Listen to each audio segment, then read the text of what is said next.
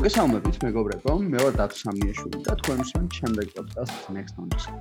დღევანდელი ჩვენი პოდკასტი განსხვავებულ ფორმატში იწერება და ეს Instagram-ის საშუალებით live რეჟიმში ხდება. თუმცა live-ს ჩავიწევ კიდევაც და სხვადასხვა პლატფორმებზე ავტვირთავთ, შესაბამისად, სმენელს live-ის ჩანაწერის მოსმენა თავისუფლად შეეძლება.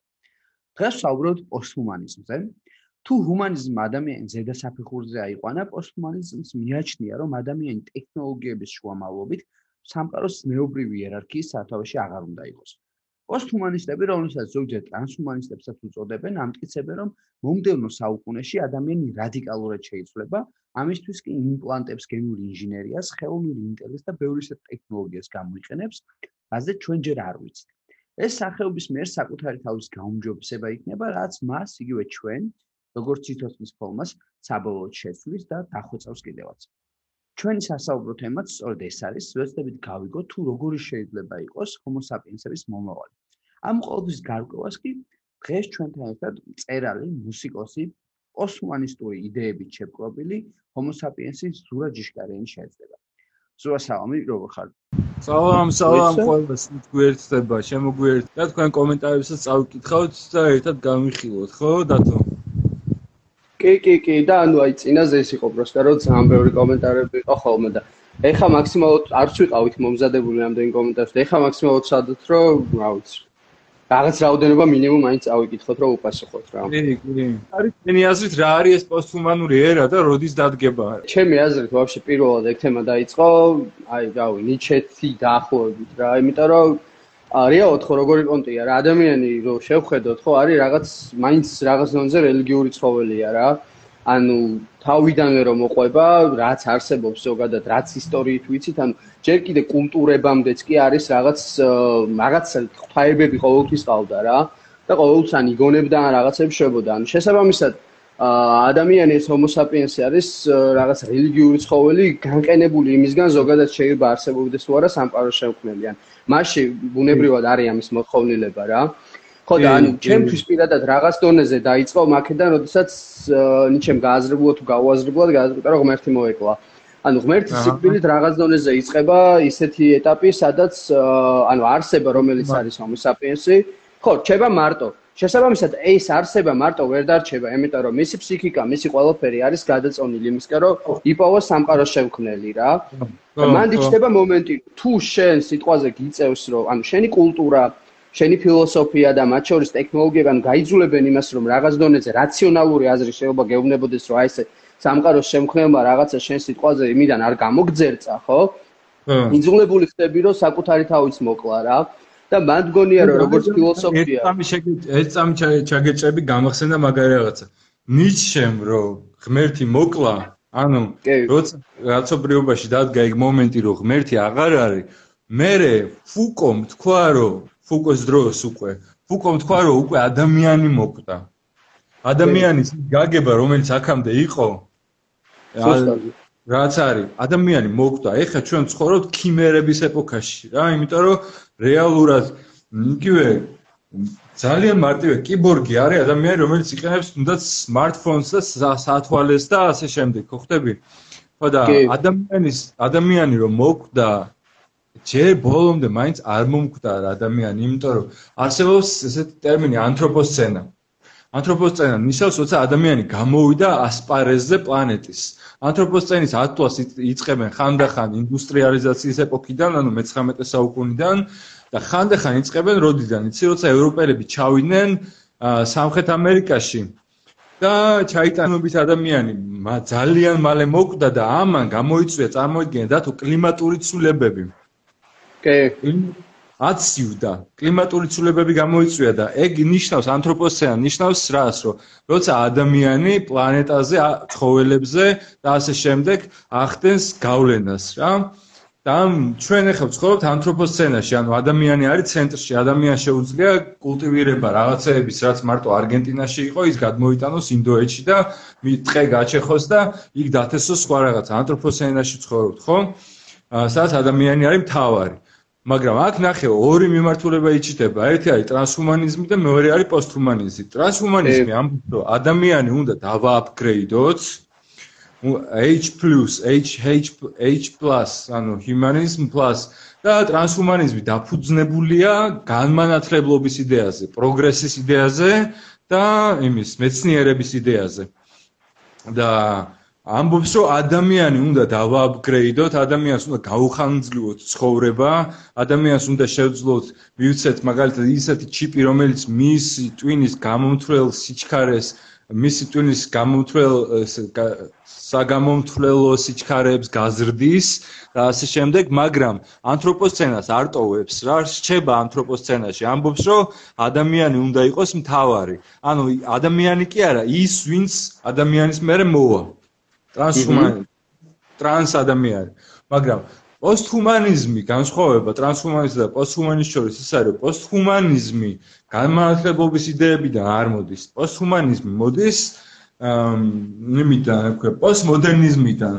როცა მოხდა ადამიანის დეკოდირება, ასე ჩამოსვლა, რა არის ადამიანი, რომ დასვეს კითხვა, წამოვიდა, რომ ადამიანის შედის გენდერი, ნაციონალობა, რაღაცა, რაღაცა, რაღაცა ხო ხდება, აი, ბევრი რაღაცაები შედის რა.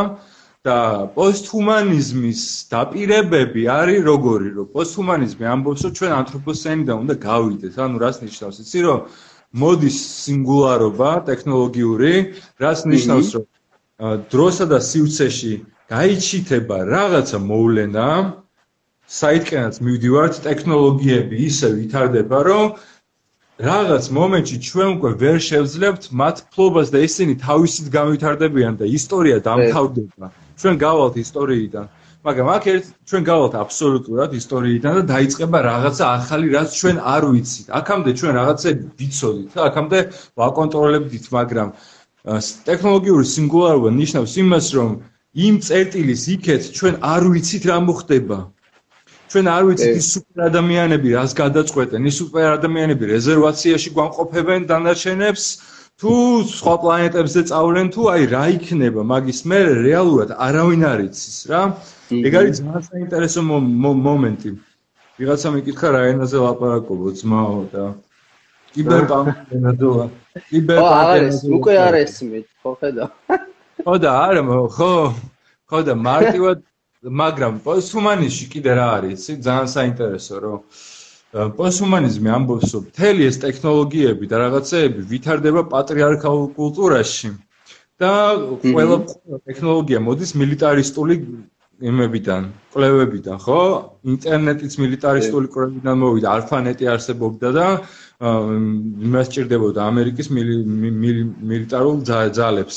ყველა ტექნოლოგია მოდის მილიტარული ძალებიდან, რა. მაგრამ, მაგრამ ეს ამბობს რომ მილიტარული და პატრიარქალური ძალების შვილები იგივე კიბორგი მაგალითად არც არც ცნობს თავის მამას მაგას ფეხებზე კიდია ვინ არის მისი мама და მისი შემქმნელი ხდები ის თავის ისტორიას ქმნის ის აბსოლუტურად თავის ისტორიას ქმნის და ეხლა არის ესეთი მომენტი რომ აქეთ ხარეს დგას პატრიარქალური მილიტარული სისტემა მეორე მხარეს დგანან ცხოველები ქალები ხელოვნური ინტელექტი რატო ამბობ ამას? რომ დონა ჰარავეის მაგალითად აქვს ერთი ციგნი, სადაც ყვება თავის ძაღლთან კომუნიკაციაზე და ამბობს, რომ ძალიან გავსო შენ ძაღლთან კომუნიკაციან, დელფინთან კომუნიკაცია, ხელოვნურ ინტელექტთან კომუნიკაციას. და ჩვენო ანთროპოცენი და რო გავალთო, უნდა ვიყოთო გაერთიანებულად ცხოველებთან, ხელოვნურ ინტელექტთან, დელფინებთან და ასე შემდეგ. ხვდები რას ვამბობ? თუ ძალიან ანაურია. კი, უბიკი, არა, არა, უბიკი, აი, ხეთო, უბიკი, წა, უბიკი ძალიან მაგარი ციგნია, უცებ კომენტარში უკას. უბიკი ძალიან კაი ციგნია, კი. ფილიპიკის ციგნია, წაკითხული გაგდათ? მმ. კი, და ქართულად არის თარგმნილი ასევე და რა ვიცი, ვისაც არ აქვს წაკითხული, შეუძლია ქართულადაც წაიკითხოს. კი, კი, კი, ძალიან. მან რა არის, ახ შერასაც ამბობდი რა. ხო. მითხარი და ხო, ანუ აი შერას წამობდი რა. მან და ჩემთვის ძალიან საინტერესო რაღაცა საათებს ესე ვთქვა რა. წარმოვიდგინე, ანუ ადამიანმა ხო რაღაც დონეზე რა ხდებოდა ხო სიტყვაზე, ანუ ჩვენ გვაქვს ისტორია და პრეისტორია. ანუ რაღაც ეტაპზე არ ვიცი რა ხდებოდა. და ეხლა ვეძებთ ესე ვთქვათ ვიპოვოთ ხო არქეოლოგები ასე ცდილობენ, ანუ გინდათ ეს ევოლუციის პროცესი აღმოაჩინონ, ხო? და ეხლა წარმოვიდგინე ეს შუალედი არის სადღაც რაც რასაც ხედავთ, ხო? მაგრამ ამის მერე იჩნდება რაღაც პერიოდი, რაზეც შენებობდი, რომელიც როგორ თქვა, აი არ ვიცი. აა გარდა იმისა, რომ შენ სიტყვაზე ამას პროგნოზირებას ვერ გააკეთებ, აა როგორც ფილოსოფიურ, ამასთან ერთად ჩემი ეს ყველაზე მთავარი მომენტი მანდ არის ის, რომ ადამიანის გონება ფიზიკურ დონეზე, არა მარტო კულტურა რა, ანუ დაშვების დონეზეც ვერ გააკეთებს ამას, იმიტომ რომ მანდ ხაი ჩვენ რა ის ვაპარაკობთ და მე და შენს მგონია რომ ზუსტად ეს ხედვა გვაქვს მაგხრივ რომ ანუ ნებისმიერ სოციალ არსებას აქვს შეზღუდული ესე ვთქვათ ანუ სამყაროსთან ინტერაქციის ფორმები რა. მით უმეტეს აღქმები ხო ანუ ნებისმიერ იქნება ცხოველი იქნება მწერი იქნება თუ ადამიანი აქვს თავისი რაღაც ჭალებში სენსორები რითაც სამყაროსთან კომუნიკაბილურობთ რა კომუნიკაცია გვაქვს რა. შესაბამისად მე როგორც მე აღვიქვავ სამყაროს პირობითად რაღაცა მგელი ეგრე არ აღიქოს და პირიქით ხო? და ჩვენ საუბრობთ იმაზე რომ ანუ აი ვინ სიტყვაზე ეს თემა კარგად შეიძლება არის ის ან დაახლოებით რომ უთხრათ რომ ჩვენ საუბრობთ იმაზე რომ ცოცხალი არსება რომელმაც რომელიც არა უბრალოდ ევოლუციის პროცესში შეიცვლება, რასაც სიტყვაზე მილიონობით წლები შეიძლება ჭირდებოდეს, არამედ თვითონ აკეთებს ამ აპგრეიდს, იცვლება და მისი როგორც ბიოლოგია, ფიზიკური სიცვლება, ამასთან ერთად იცვლება აზროვნება, შესაბამისად ის დაიწყებს სამყაროს აღქმას სხვანაირად. და ის თუ სამყაროს აღქმას დაიწყებს სხვანაირად. მე რო არ ვიცით ის დაიწყებს. ხო და თავარი მან მან მართლა მთავრდება რაღაც დონეზე ის ისტორია, იმიტომ რომ მართვის არ დამთავრდება, რა თქმა უნდა, იმიტომ რომ ისინი გაეცნობიან ჩვენგან განსხვავებით, ახლა ჩვენ თუ გვიჭირს რომ ნეანდერტალელების ის გამოვიკვლიოთ, მათ არ გაუჭირდებათ ამის გამოკვლევა, მაგრამ ერთი ეტაპი დამთავრდება ძალიან მნიშვნელოვანი, რასაც ქვია რაღაც ის ახალი მოდელი შემოვა, ისეთი მოდელი შემოვა აზროვნების, რომელიც ჩვენ არ ვიცით რა. იმიტომ რომ ნეოკორტექსში ტიპს ჩაყენებული ექნება რაღაცა სიტყვაზე ვამბობ რაღაც მოწყობილობა რომელიც ეხმარება გამოთვლებში სამყაროს ინფრაწითელ სხივებს ხედავს რაღაცეები აბსოლუტურად სხვა მოდუსი იქნება იმის. მოდი აი უსებრო დავალაგოთ კიდე ერთხელ ავხსნი შენ კარგად ახსენი და მაგიტომ მინდა ეგეც გავიმეორებ დაახლოებით ოღონდ სხვა სიტყვებით. რაზე ვლაპარაკობთ? ვლაპარაკობთ იმაზე რომ ევოლუციამ შექმნა ადამიანი ხო დათო ევოლუციის შექმნა ბჭყალებში ადამიანი შეი გაჩნდა ადამიანი ესეთი ცხოველი.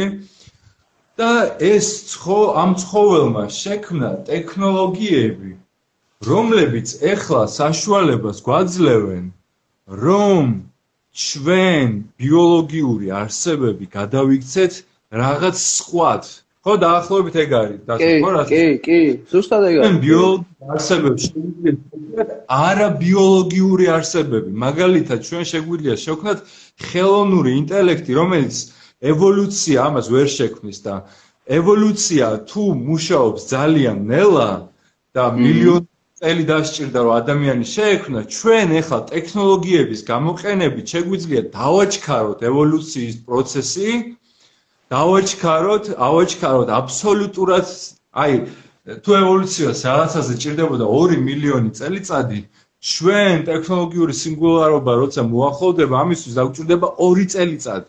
აი, ამაზე ვლაპარაკობთ, რა. ტექნოლოგიები ისე ვითარდება ისეთი სისწრაფით, ანუ აი, რეი კურცველი ლაპარაკობს მაგაზე, ხო?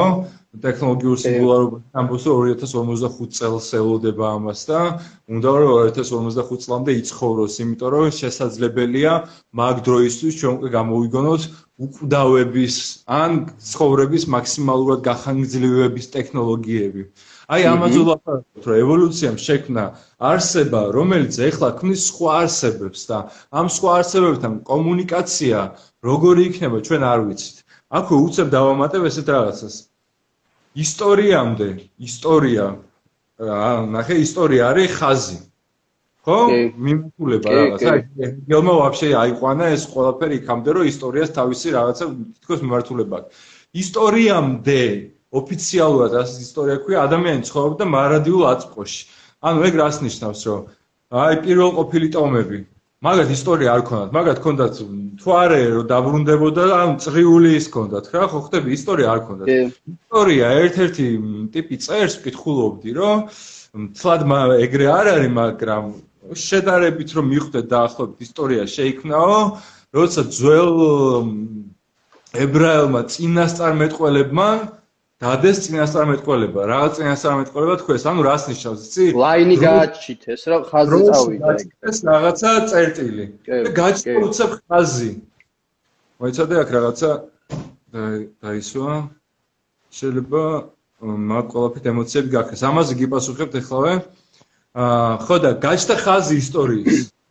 შე ისტორიის ხაზი რომ შედეგად გაჩნდა უკვე პროგრესივიზმი, ხო, რომ ისტორია ვითარდება, ჩვენც ვითარდებით და ასე შემდეგ და ამ ისტორიის ხაზში ვცხოვრობთ ახლა.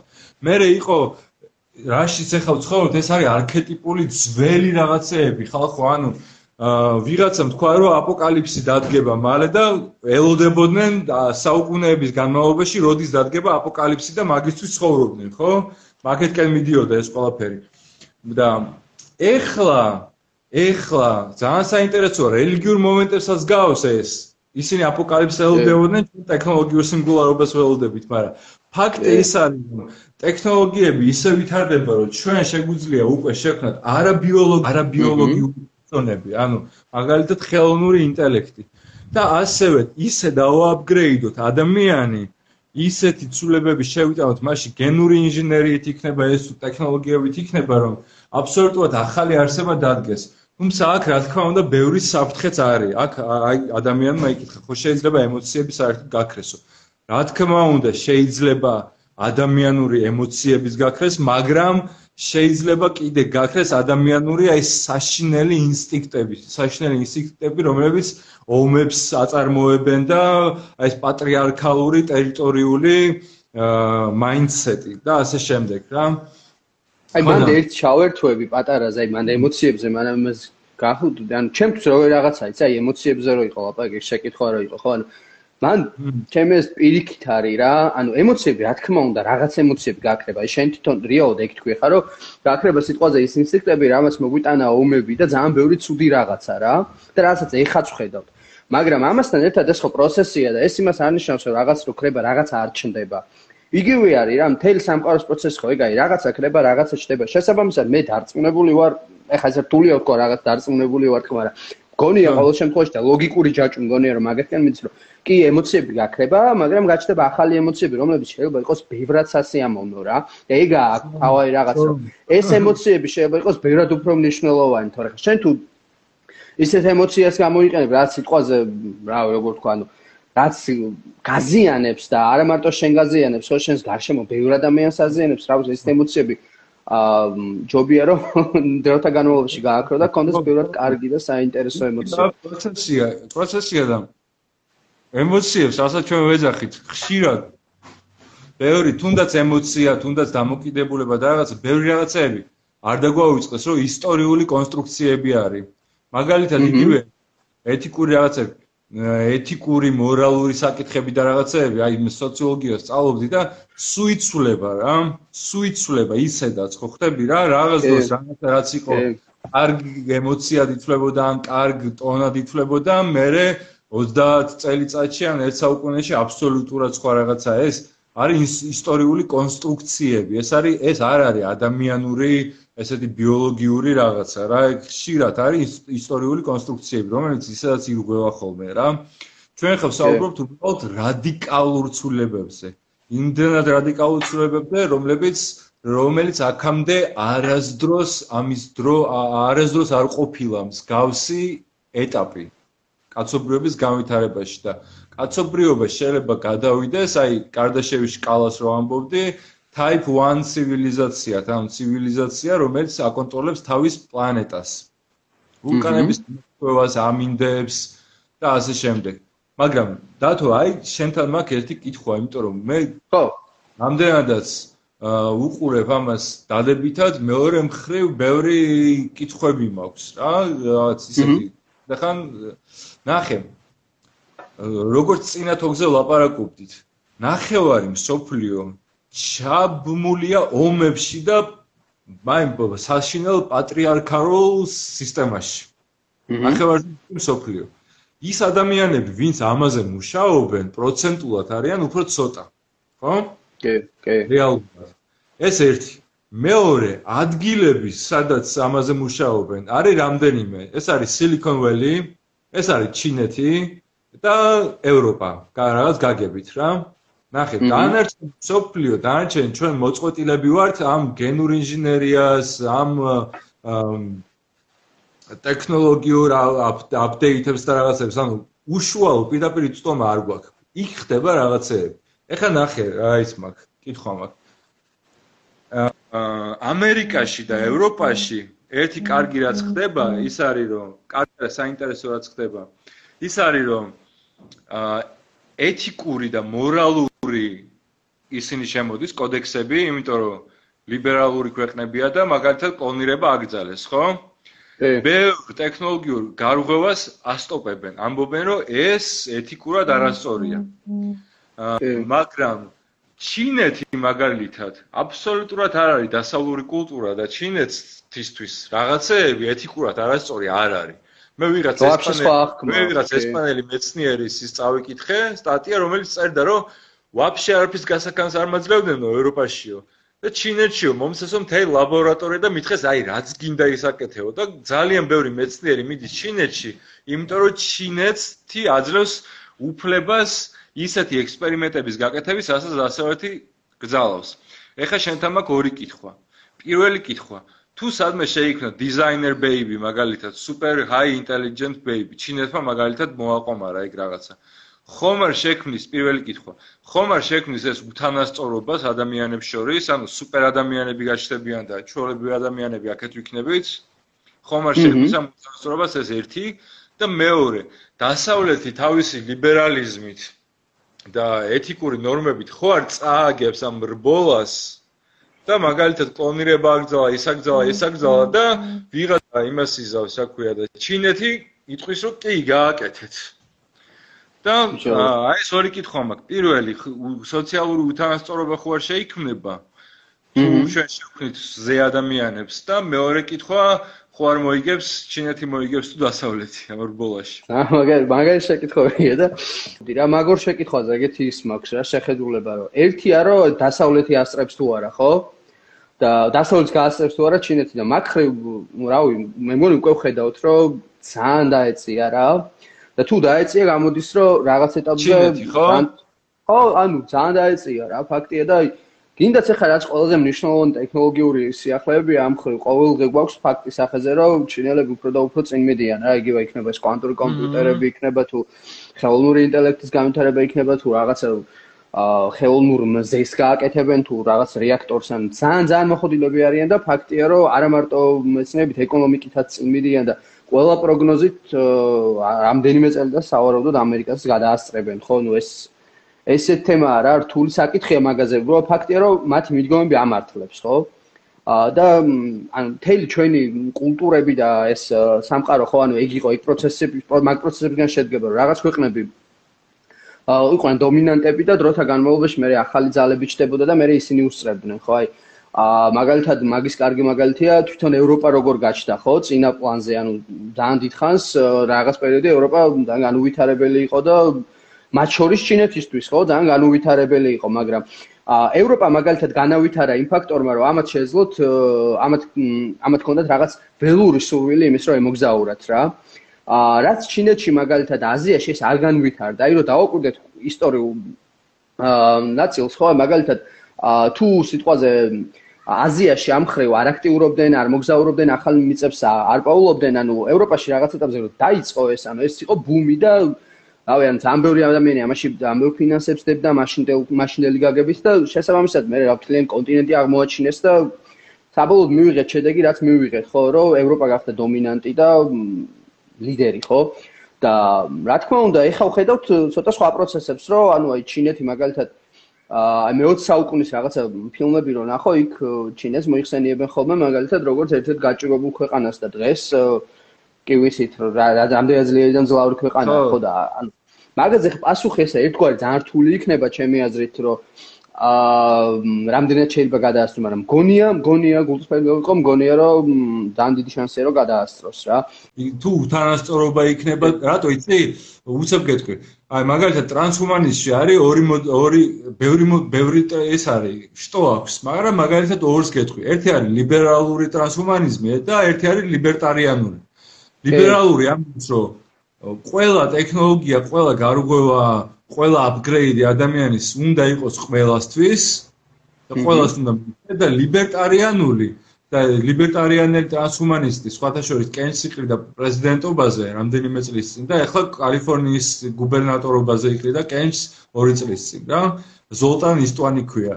მაგასთან ვაპირებ ინტერვიუ შეწერას რა და ლიბერტარიანული ტრანსჰუმანიზმი ამბობს რომ ტექნოლოგიებს და აპგრეიდებს და ყველაფერს ბაზარი დაარეგულირებს და შესაბამისად ჩვენ არ ვართ ვალდებულები თუ silicon valley-ში შევქმნით designer baby რომელიც არის მაგალითად 2 მეტრიანი სუპერ ინტელექტი და IQ აქვს 1000 და ასე შემდეგ არ ნიშნავს რომ ეს ტექნოლოგია სხვებს უნდა მიუცეთ. ეს თავისით დარეგულირდება ესე ამბობენ ისინი რაში ძალიან დიდ საფრთხეს ხედავდა. აი შენ შენ თუ ხედავ ამ საფრთხეებს რა? კი კი კი. ხო ან მან რეალურად აი ის ფილმი რო არის გათაკაზე ხარ მან არის ზუსტად ეგ მომენტი რა რომ ტიპს რომ უნდა კოსმოსში გაფრენა და უბრალოდ ვერ მიფრენავს იმიტომ რომ გენეტიკურად არის მოდიფიცირებული და შესაბამისად ოცნებას ვერ იხდენს ხო და ანუ რაღაც რაღაც ამბავში ხო ანუ ეგ ალბათ ალბათ კი არა და ეგრეც მოხდება რა იმიტომ რომ მით უმეტეს დღევანდელ სამყაროში სადაც რაღაც კაპიტალიზმი არის ესე თქვა დომინანტი სისტემა ან დღეს უკვე რაღაც დონეზე უკვე გვაქვს ეგ რა ანუ ხშება შენ პირდაპირ აპგრეიდი არ გაქვს გაკეთებული, არ გამოირჩევ, მაგრამ ადამიანები დიდხანს ცოცხლობენ იმის გამო, რომ სიტყვაზე უკეთესი პირობები აქვს, ხო და მან დის მომენტია რა, ანუ მე მგონია რომ აი არის ძალიან სერიოზული საფრთხე, იმიტომ რომ ანუ მე მაგალითად ტექნოლოგიების თემაზე რომ ლაპარაკობ ხოლმე, სულ იმას ვამბობ, რომ ტექნოლოგიებს შეუძლია რაღაც მომენტში უთანასწორობა და ეს თემა მოაგვაროს რა, იმიტომ რომ აი ნებისმიერ ხაი გინ ავიღოთ ხო გია მემარცხენე იდეოლოგიები მარქსიზმის რო აიღო ხო ან მანც ადმივდივართ რომ ანუ აა მივიდივართ იმაზე რომ მოხდეს სიტყვაზე გათანასწორება ხო? მაგრამ მან პრობლემა რჩება ყოველთვის იმიტომ რომ აა სადაც ტექნოლოგიები არ არის დომინანტური რაღაც დონეზე ადამიანებს ვიღაცებს მაინც ყოველთვის მოუწევდათ და ახლა ჯერჯერობ კიდე უწევთ ფიზიკური შრომაში ასრულონ ხო? და შესაბამისად შენ თუ სისტემა კი არა და თლიანად იძულებული ხარ რომ ვიღაცას შეასრულებინო ფიზიკური შრომა და ისეთი რუტინული შრომა მაგალითად რომელიც მას ნაკლებად განავითარებს აა თქმა უნდა ხა შენ შეგიძლია რომ უფრო თანასწორი სამყარო მაგრამ ბოლომდე თანასწორ ჭალებს ბოლომდე თანასწორი ვერაც ვერ იქნება შესაბამისად რა. ხო ეხლა არათანასწორია სამყარო თქმა უნდა და მან შეხედე მან მან შეხედე როგორი მომენტი მოდის. ვერც განათლების სისტემა ვერც კი მოინდომებს იმას სიტყვაზე რომ ვიღაცებს რომც იყოს ეს იდეალური სამყარო რომც იყოს რესურსები ანუ პრობლემა მანდ იმაში ვაწყლებით რომ ადამიანები რომლებსაც სიტყვაზე ამ სისტემას ჭირდება სიტყვა ადამიანები რომლებსაც აშუქებენ ამ ფიზიკურ შრომას ხო რაღაცას. შესაბამისად, ანუ სისტემა გამოდის, რომ ამზადებს ვიღაცებს, რომლებიც რაღაცა სიტყვაზე უფრო ჭალებში რაღაც უფრო აა ის ექნება, კარგი რაღაც სამშაო ექნება და პროფესია ექნება და ვიღაცებს უნდა შეასრულებინოს რაღაცა რუტინული რაღაც, ხო? იმიტომ რომ სისტემა ფიზიკურად ვერ იფუნქციონირებს სიტყვად. მაგრამ რუტინულ რაღაცეებს ჩვენ ხო რობოტებით ვანაცვლებთ ხო და აი მაგ მანდ მივდივარ მანდ მივდივარ ზუსტად რომ ანუ ერთადერთი ხსნათქო მაგიტო ვამბობ მე ხედავ ტექნოლოგიებში ზუსტად რა რომ ვერც ერთი იდეოლოგია მაგიტო ვამბობდი რომ ეს იქნება მარქსიზმი თუ ნებისმიერ რაღაც რომელიც მიდის იმისკენ რომ გინდას ლიბერტალიანიზმი, რომელიც ამბობს, რომ რაღაც იდეალურ სამყაროს შექმნიან, სადაც ყველა თავისუფალი ადამიანია, ვერ იქნება ფიზიკურად, იმიტომ რომ ჩვენ დღევანდელ სამყაროშიც გვჭირდება ადამიანები, რომლებიც ფიზიკურად რაღაცას აკეთებენ ისეთ, რაც მათ არ სიამოვნებთ. და რობოტებს აი ზუსტად მაგის შეცვლა შეუძლიათ. თუმცა აი მან მაგიტომ მივდივარ. ეს ისეთი საკითხია ჩემს თავარი ამოსავალი წერტილია ზოგადად ამ თემაში იმიტომ რომ ერთი აი რომ რობოტს შეუძლია რომ გაგანთავისუფლოს იმისგან რომ ადამიანები განთავისუფლოს რაღაც ჩაგვისგანაც მოდი პირდაპირ თქვა ანუ ვიღაცებს რომ ამუშავებენ რაღაც რუტინული მას მაგრამ მეორე მოდის მანდის თემა რაც შენ თქვი რომ ანუ ვიღაცებმა შეიძლება ვაფშე დაიაპგრეიდონ საკუთარი თავი და ის კი არა რომ სიტყვაზე იმით გამასტროს რომ მისი მშობელი სიტყვაზე ჩემი საწყისი იყო რომ უფრო მდიდარი იყო და უკეთესი განათლება მიიღო. ის შეიძლება უფრო მისი ტვინი უფრო შეიძლება იყოს გამომთვლელი უკეთესად. შესაბამისად მას მამამ შეუძლია უყიდოს ესეთი რაღაცა რადგან მე ვერასდროს ვერ ვიყიდი ჩაიყენოს ტვინში იმპლანტი და ჩემზე მაგრა აზროვნებს ხო? მე მას ვერას ვერ დავეწევი ამიტომ მან არის ჩემი აზრით ძალიან მნიშვნელოვანია ფილოსოფია განვითარდეს მეცნიერებასთან ერთად. თუ ფილოსოფია და აი, ანუ თეორიები ვერ განვითარდა, აუცილებლად მოხდება ეგ რა, მართლა მოხდება, რომ ეს მდიდარი ტიპები მართლა ჩაიყენებენ იმ იმპლანტს და ერთ დღესაც გაიგვიზებ და შენ იქნები სიტყვაზე ვამ რაღაც თბილისში იჯდები აქ რაღაცებს ილაპარაკებ და ვიღაცას ესეთ ტვინი ექნება, რომ კალკულატორი ექნება თავში. ესეთი საუბრები და ამისთვის არის ვიღაცამ დაწერა ჯერ ადრეა ვაფშე არ არის ადრე წინასწარ არის მოსაფიქრებელი პროტოკოლები რაღაცეები რომ ეს ისე არ მოხდეს ხვდები ამაზე უკვე ძალიან ბევრი ეხა მე და შენ კი არ მოვიგონეთ ეს საუბარი ძალიან ბევრი ვიღაცა ლაპარაკობს ამაზე ძალიან ბევრი მეცნიერი რომ როგორ როგორ როგორ შევიმუშაოთ რაღაცა პროტოკოლები, რაღაცა ისინი, რომ აი ესეთი განსხვავება დიდი არ მოხდეს რა, მაგრამ მეორე მხრივ ნახე რა ხდება კიდე. რობოტები, რომლებიც ჩაანაცვლებენ აა საშინელ რაღაცა რუტინულ შრომას და ასე შემდეგ რა. ცოტა ხანში ამ რობოტებს შეიძლება მერე ცნობიერებას გაუჩნდეთ. ეგ არის კიდე საინტერესო მომენტი. AI როცა შემოდის.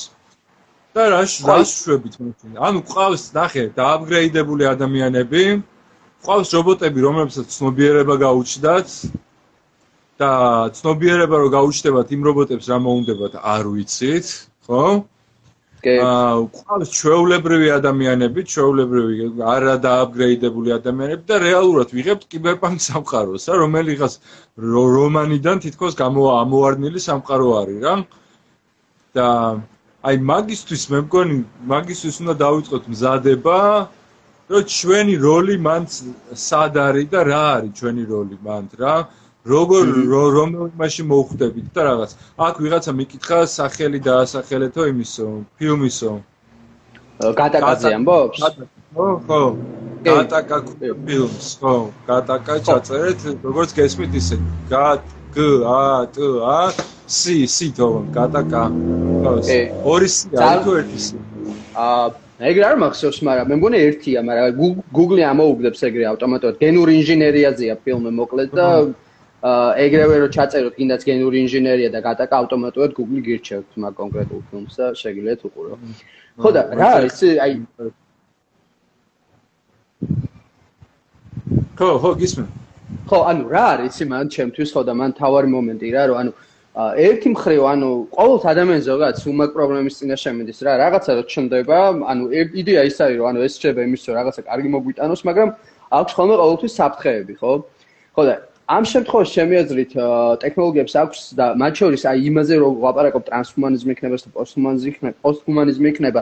მან გადავდივართ იმ გარდატეხ მომენტში, რომ რეალურად ვიღაცები შეიძლება გადმოყვნენ ამას, ან ვიღაცები შეიძლება ფიზიკურად ვერ გადმოყვნენ და მართლა ან სახეობა გახდეს, ხო, წინა ლაივშიც ვახსენეთ ეს, რომ სახ თვითონ ადამიანი დაიყოს რამდენიმე სახეობა, ხო და ეი, იცი და დაი წინა ლაივშიც ვახსენეთ, თიმოთი ლირი წერდა, სხვათა შორის ამაზე ძალიან სერიოზულად, რომ ყველა წამოვედი წყლიდან, ანუ აკვარიუმიდან, ესე ამბობდა და ეხლა ნაწილი ადამიანების მიდის კიბერიუმში, ანუ ჩვენ შევქმნით ვირტუალურ სამოთხეებს, მაგალითად იმ ხალხისთვის, ვისაც უნდა ბედნიერად ცხოვრება. აი მაგალითად ტიბეტური მკვრების წიგში არის ესეთი ბარდო, ანუ რო გადადიხარ სხვა სამყაროში, ნეტარი ღმერთების სამყარო არის. სადაც ეს ადამიანები, ღმერთებად ქცეულები, არიან სუნეტარებაში.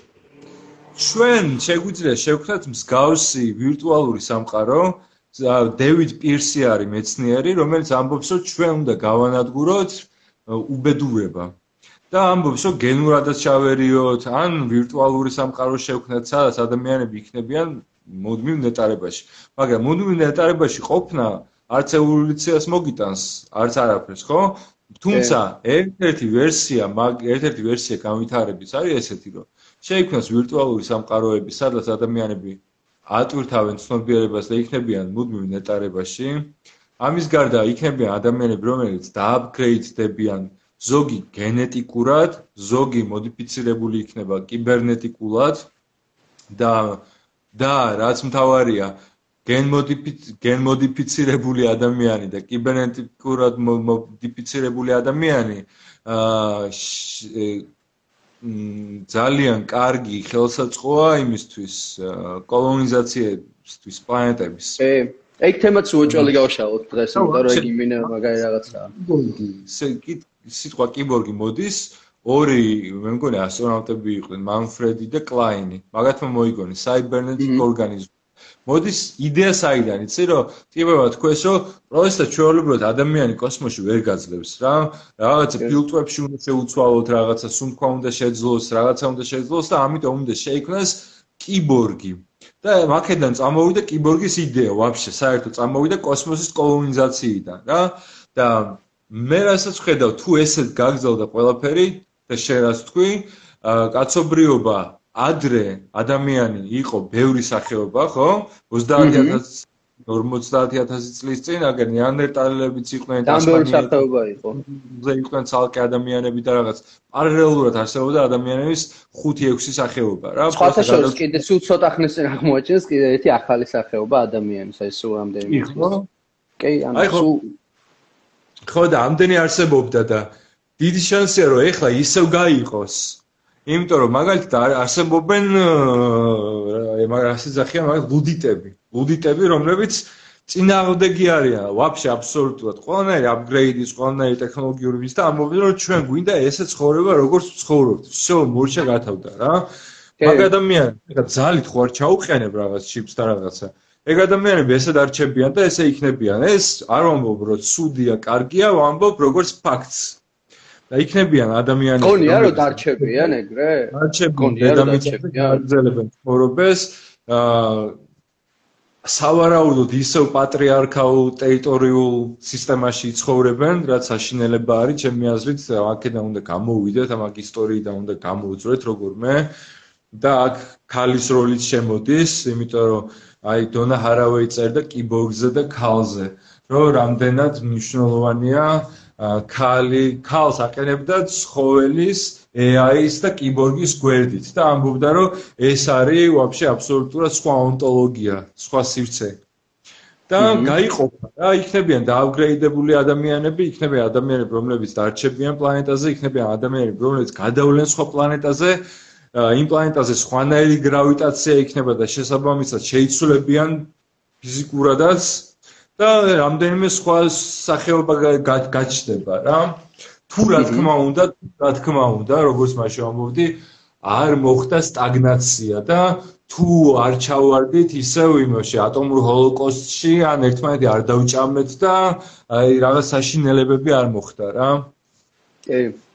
იმიტომ რომ მაგ ძალიან დიდი საფრთხე არსებობს, მაგ ძალიან დიდი საფრთხე არსებობს, რომ სტაგნაცია მოხდეს, ან უკან მიბრუნება მოხდეს. ერთი ატომური ბომბის გასროლა და იმდენად უკან წავალთ, რომ აი არ ვიცი რა. ხო და მან რა არის ეს ანუ შენ ჯერა ანუ გონია უფრო სწორედ რომ ვიღაცები დარჩებიან იმიტომ რომ რაღაც ეტაპზე მაინც მგონია რომ აა რაღაც მომენტში არავინ არ დარჩება რა იმიტომ რომ ანუ აი აი ვაქცინის მომენტი აიღე ხა სიტყვაზე რა რაღაც პონჩი ეგ არის ჩემი აზრით აი ვორმაფია რა ამ ყოველთვის ანუ ხო არიან ხა? ადამიანები რომლებიც ამ ვაქცინას იღებენ არიან ადამიანები ეს ანტივაქსერებს ვისაც ეძახიან არ ვიცი როგორ ვთქვა რომლებიც ამბობენ რომ სიტყვაზე მე ვაქცინას არ მივიღებ იმიტომ რომ რეალოდ ეხა ეს იქით გინდა აქედან რეალობა ისა ის რომ ამ ვაქცინის შემამ გამოაჩინა ადამიანები ვინ არიან ვინც ენდობიან ტექნოლოგიებს და მეცნიერებას და ადამიანები ვინც არ ენდობიან ტექნოლოგიას ხო და ეს ჩემი პირდაპირ ხაზს უსვამს იმას რომ ანუ მე შეიძლება იყოს სიტყვაზე არ ერკვევდე ტექნოლოგიებში, აი ვაფშე ვერ ერკვევდე პოსტჰუმანიზმზე ხო ვაპართ თუ არც გქონდეს ეს გაგებული, მაგრამ რო გესმის სიტყვაზე რომ მიდიხარ და ვაქცინას იკეთებ. ხო და ჩემი აზრით, ანუ და რომ შევხედოთ სოფლიოს დონეზე, ხო, ანუ ძალიან ბევრი ადამიანი იკეთებს ამ ვაქცინას რეალურად რა. მიუხედავად იმისა, მან რამდენად იცის ტექნოლოგიები, რამდენად ძალიან ცოტა პროცენტი არის, ესე ვთქვათ, ანტივაქსერები, ვისაც ვეძახით, რომლებიც ანუ პირდაპირ გაცხადებულად ამბობენ, რომ მაგრამ ვсё მე ანუ ტექნოლოგიებს მეცნიერებს არ ვენდობი, შესაბამისად მე ვენდობი რაღაცა ბედის წერას ან რაღაცას და ჩემს ხელში არაფერს ახალს არ შემოუშვებ, ხო? ხო, ბიჭო, დარჩებიან, დათო, ყველა ვარიანტში. გონიო დარჩებიან, ეგრე. შეხო თქვი, აა შეხო თქვი, რომ ადამიანი აი კაცობრიობა რელიგიური ის არის რა. ანუ კაცობრიობა არის რელიგიური ცხოველი არის. ამ რელიგიურ ცხოველს ეს რელიგიური ცხოველი შիր შემთხვევაში მიანდობა ბედის წერას, ღმერთს, თაებებს, რაღაცებს და დარჩება, ძალიან ბევრი დარჩება რა. ძალიან ბევრი დარჩება თავისინები და ძალიან ბევრი დარჩება, იმიტომ რომ შეიძლება საშუალება აღარ კონდეს, რომ დააპგრეიდდეს. იდე ესეთი რაღაცა მომენტიც არის და მე ჯერა ჯერა კიდე რომ შეიძლება კიბერპანკ ჟანრის ლიტერატურას გავს ეხლა რასაც ვამბობ, მაგრამ ძალიან ბევრი რაღაცები იქნება, როგორ იცი, თავიდან იქნება ძალიან ძვირი, მერეც გაიაფდება რაღაცები და მერე გაჩნდებიან ასევე ჰაკერები, რომლებიც იმებში გარაჟებში გააკეთებენ რაღაცებს, ხვდები?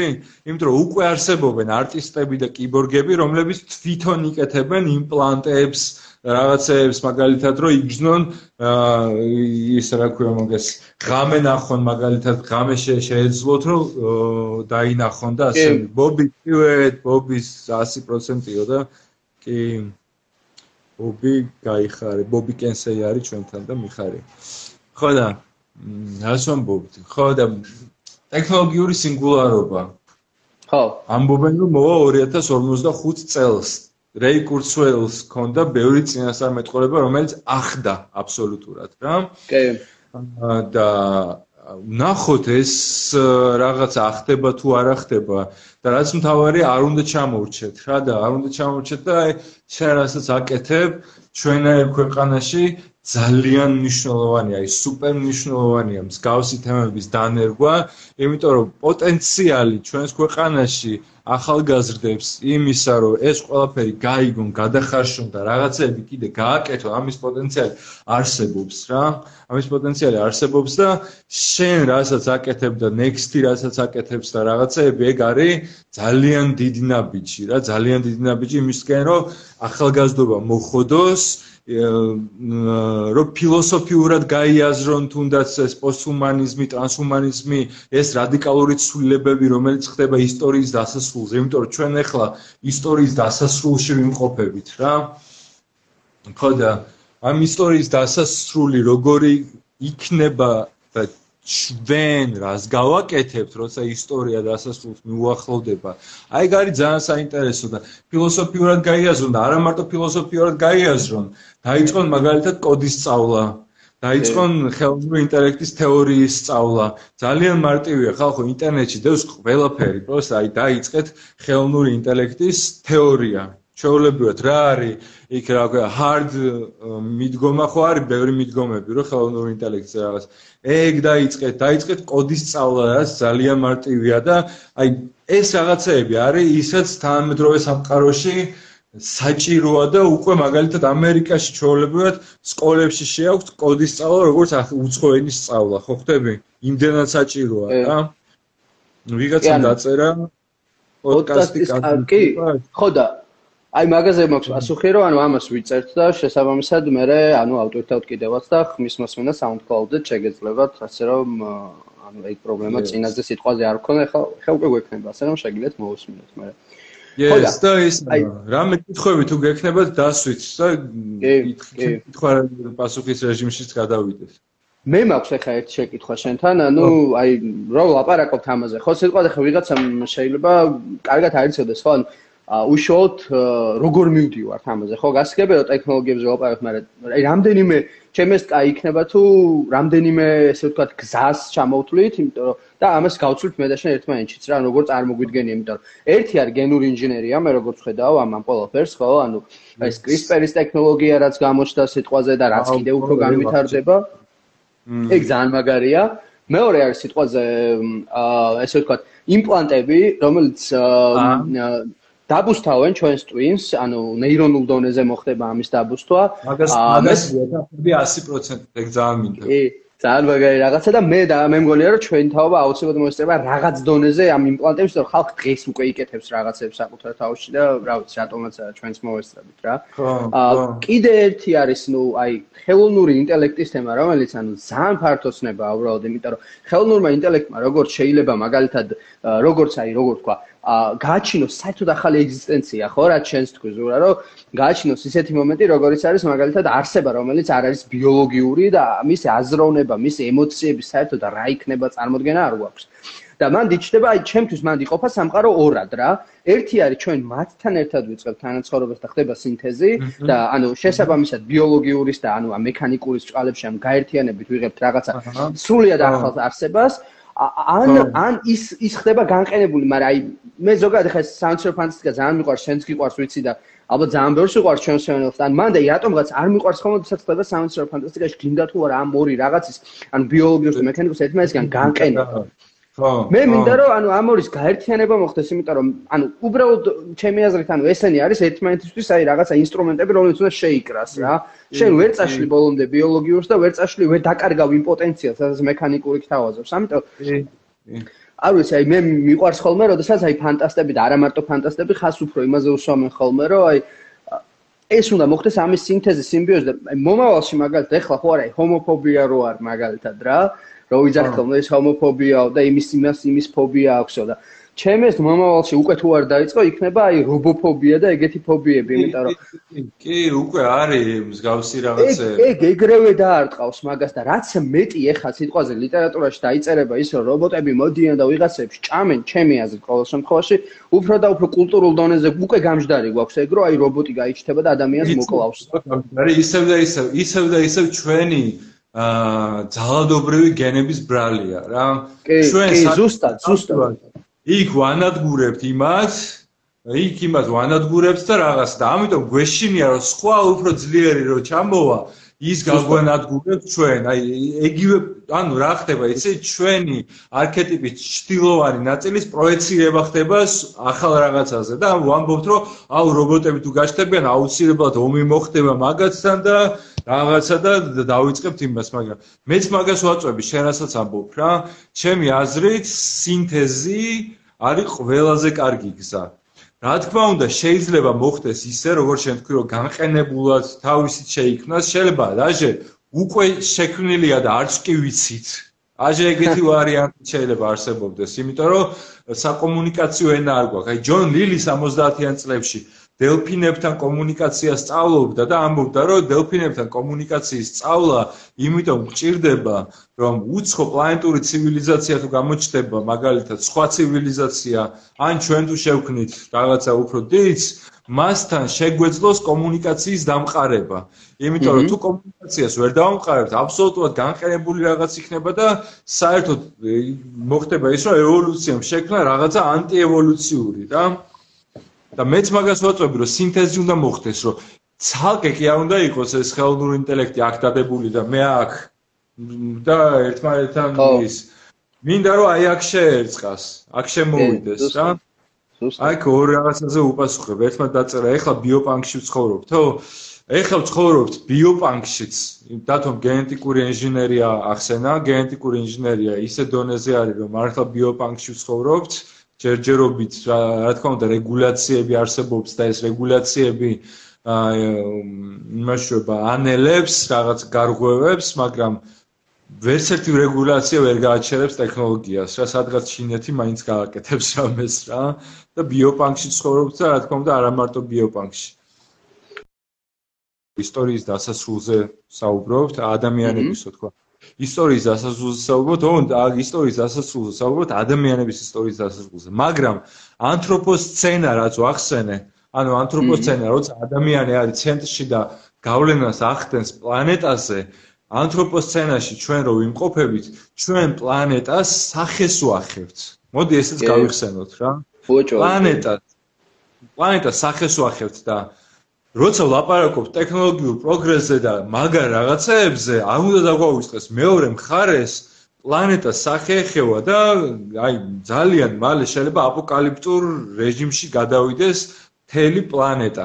ამიტომ ეს ტექნოლოგიები მე ესე ვხედავ დათო რა, რომ ეს ტექნოლოგიები დაგვეხმარება იმაში, ეს გარღვევები ტექნოლოგიები დაგვეხმარება იმაში, რომ ამ ინდივიდუალოთ გლობალური დათბობა რაღაცნაირად გავაჩეროთ, ან ახალი პლანეტა ვიპოვოთ, სადაც გადავალთ და ასე შემდეგ, რა. კი.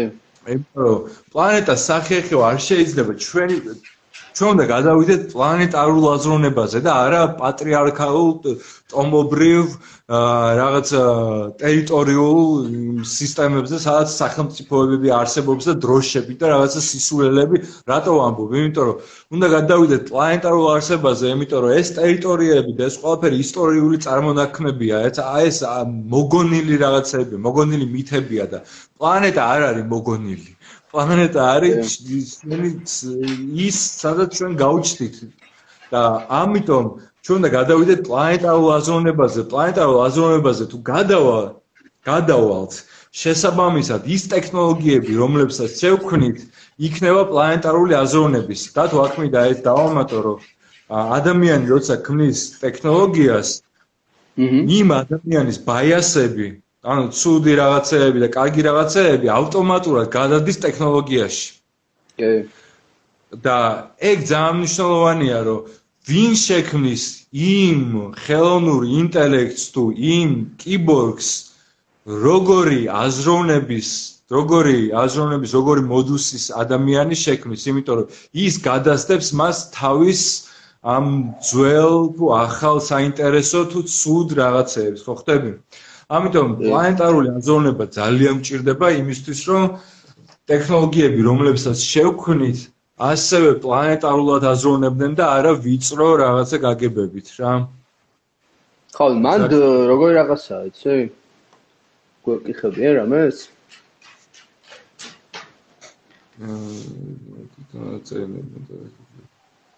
ხო ანუ არაფერი ხო რაღაც კომენტარი იყო მოიცადე კომენტარი იყო ესეთი რომ ой ვერ ვერ სკროლავ. ანუ კომენტარი იყო იმაზე, რომ იმაშვებია, რა ქვია, AI რო ქმნის მუსიკას თავისით და ასე შემდეგ, რა. ხო. მაგრამ აი ისე დაუბრუნდე რა. ცხოვრობთ ეპოქაში, როცა ანთროპოსცენა, ანუ ადამიანის ცენტრში ყოფნა დასასრულს უახლოვდება, ან ადამიანი ანთროპოსცენიდან უნდა გავიდეს და გადაიქცეს პოსტჰუმანად ან ტრანსჰუმანად, ან კიბორგად, და ანთროპოსცენა დატოვოს და დაეხმაროს პლანეტას. დაეხმაროს პლანეტას, რომ პლანეტამ სიცოცხლე გააგრძელოს. ან იპოვოს ახალი პლანეტები, სადაც გადავა და როგორც შენ თქვი, შეიქმნება ადამიანების სხვადასხვა სახეობები. სხვადასხვა სახეობები, ამით მე სულს არაფერს არ ვხედავ პირიქით, რაც უფრო მეტი ადამიანის სახეობა იქნება, მით უფრო საინტერესო იქნება მე მგონი ჩვენი სამყარო და კომუნიკაცია, ხო? ამ სახეობებთან და ადამიანთან. ევოლუციისიც ეგ არის რა, ანუ რაც უფრო მრავალფეროვანია სახეობა და რაც უფრო მით უფრო აქვს დიდი შანსი რომ გადარჩეს და განვითარდეს, ხო? ევოლუციისგანაც ვიცით რომ ერთფეროვანი ის ვერ გადარჩება, ხო? და ამიტომ ეგ არის ძალიან გარდაუვალი რაღაცა, რაც აუცილებელია და თან მან რა არის ყველაზე მაგარი და საინტერესო, ხა შერასწამობდი რა. პლანეტების ათუსების თემასაც რო შევეხოთ სიტყვაზე და რაღაცა მულტიპლანეტარულ ცივილიზაციაზე რო ვილაპარაკოთ, ხო ეხლა მარსზე რო არის, მარსზე რო გვინდა რომ გადავიდეთ, ხო? აა მან არის ესეთი მომენტი რა, ანუ ერთი რომ ეს ბიოლოგიური არსება რომელიც ხა მე და შენ ვარ და ძალიან გაუჭirdება, ხო? კოსმოსში მოგზაურობა გაუჭirdება და ვაფშე ყველაფერი გაუჭirdება. ანუ ვერ ვერ გაკაჩავს როგორც ან ამიტომ როგორც მინიმუმ მაგიტო ჭირდება ამას დააპგრეიდება ეგ ერთი. და მეორე ყველაზე მაგარი და საინტერესო რაც არის სიტყვაზე, აი რომ წარმოვიდგინოთ რომ მიუყვებით რაღაც აი ერთ სწორ ხაზს, ხო და წავედით სიტყვაზე გადავიდა ვიღაცა მარსზე. ვიღაცამ სიტყვაზე რაღაცა გააღწია ვაფშე მზის სისტემიდან სხვა პლანეტაში გადავიდა, ხო და საწყისი რომ სულ მაინც ერთი იყოს, სიტუაციაც უკვე რთულია, მე მგონი არ იქნება, მაგრამ რომც იყოს, ხო? თვითონ პლანეტაზეც აუცილებლად განიცდი უკვე სხვანაირ ევოლუციას, ხო? ანუ მაგალითად ახლა მარსზე მარსზე ხო, ანუ ადამიანებს მცირე გრავიტაციიდან გამომდინარე უფრო იქნები რაღაც უფრო მაღალი გამხდარი რაღაც რაც უფრო დიდი გრავიტაცია უფრო ის იქნება ესე თქვა ჩვენ ენაზე რო თქვა ჯმუხი და ესე ჯიგარი რა. ხო და ეგეც ეგეც ის არის რა ანუ რეალურია რა ანუ რომ ანუ ადამიანმა რაღაცონზე ისეთ ევოლუცია შეიძლება განიცადოს რომ თლიანად ფორმატ შეიცვალოს ხო რანაირითაც არ გინდა ჩავიდეს იქ შეიცვლება. კი კი და იცი რა კი მე მაგაში ვაფშე არ ხედავ პრობლემას იმიტომ რომ ადამიანი ევოლუციურად ისედაც სუიცვლებოდა ევოლუცია ეგ არის ევოლუცია ქმნის არსებებს ევოლუციას ამ მიზანი კი არ აქვს რომ მაინც ადამიანის შექმნას და რაღაც ადამიანი ერთ-ერთი არის მათ შორის როგორც ლეოპარდი, ლომი, ძაღლი, არ ვიცი, ასე შემდეგ, გელი და ხე და სოკო და ასე შემდეგ. ევოლუცია არის პროცესი ცოცხლის იმპულსი, ესე ვთქვათ რა. უბრალოდ ჩვენ რატომ რატომღაც შევიქვენით ისეთები, რომელსაც გაგვიშთა ცნობიერება, ჯერ კიდე ბოლომდე არ ვიცით, ოღონდ რა არის ეს ცნობიერება და ეხლა მივედით შევქმნით ისტორია, დავიწყავით ანთროპოსცენა, მთელი პლანეტა თითქოს ჩვენია და მივედით იმ ეტაპამდე, რომ უკვე შეგვიძლია შევქმნათ სხვა არსებები, ან ჩვენ თვითონ დავაპგრეიდდეთ. და კარდაშევის სკალას რომ მივყვეთ, მან დაარი ნახე type 1 civilization არის, რომელიც თავის პლანეტას თლიანად აკონტროლებს, რა, აკონტროლებს კარგი გაგებით. მაგალითად, იცის ვულკანების ამოფრქვევის გაჩერება, ამინდების ცვლა და ასე შემდეგ. Type 2 ცივილიზაცია არის, რომელიც რომელიც იყენებს თავისი მზის ენერგიას. თავისი იმის, რა ქვია, ვარსკვლავის ხო, თავისი ვარსკვლავის ენერგიას იყენებს. თავისი ვარსკვლავის ენერგიას იყენებს. ეს არის type 2. type 3 არის, რომელიც იყენებს galaktikis, თავისი galaktikis ენერგიას იმისთვის, რომ მაგალითად შეუძლია ერთი პლანეტა იუპიტერი აიღოს და იუპიტერის ენერგია გამოიყენოს კვანტური გამოთვლებისთვის. და კვანტური გამოთვლებისთვის იუპიტერის ენერგიას რო გამოიყენებ, შენ მან შეგიძლია შექმნა ვაფშე თლიანად ვირტუალური სამყარო, ხვდები? ანუ პლანეტარულ ენერგიას იყენებ იმისთვის, რომ შექმნა კვანტური ვირტუალური სამყარო. და აი წინა ჩვენი საუბრის თემას რო დაუბრუნდეთ, აი ამ ვირტუალურ სამყაროში თუ თუ არსებობს იმის possibility, რომ შეიქმნას ვირტუალური სიმულაციური სამყარო, როგორც ნიკ ბოსტრომი ამბობს, დიდი შანსია, რომ ჩვენ ცხოვრობთ ვირტუალურ სამყაროში უკვე, ხო? კი. კი, და ანუ ჩვენ თუ მივედით Type 3 civilization-ამდე და არ გადავშენდით მანამდე, ჩვენ შევძლებთ, რომ პლანეტების ენერგიები გამოვიყენოთ, აი უფრო დიდი რაღაცების, რა თქმა უნდა, უკვე ესეთი ფორმა და ესეთი ის არ გვექნება, რაღაცა სხვანაირები ვიქნებით რა. სხვანაირები ვიქნებით და ამას ამას ეძახდა ფუკო ადამიანის სიკვდილს. რომ ადამიანის სიკვდილი არ არის ამ გაგებით ცუდი რაღაცა რა, ადამიანის სიკვდილს ეძახიან იმას, რომ ადამიანი ტრანსფორმირდება, შეიცვლება ბიოლოგიამ შექმნა ცხოველი და ეს ცხოველი ქმნის ახალ არსებებს, ახალ აა გზას ბიოისა ევოლუციის და შეიძლება კონტრევოლუციურიც არის დაჟე რა.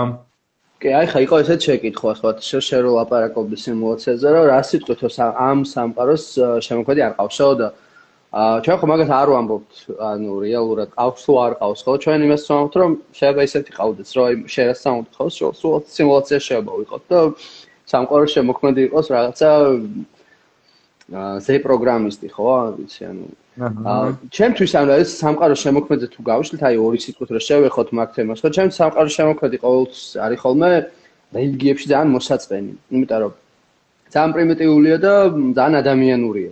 და ადამიანები ისეც ვართ დედამიწაზე და ერთმანეთს ყოველთვის ვეხებით, ყოველთვის ყოველთვის კომუნიკაცია გვაქვს და ან ძალიან გავს ყოველთვის რელიგიები ადამიანის ემოციებს, ну ეს გასაგებიც არის, ხო? ადამიანი ისეთ რაღაცას ვერ იგონებს, რაც არ არსებობს მის ფანტაზიაშიც, ხო?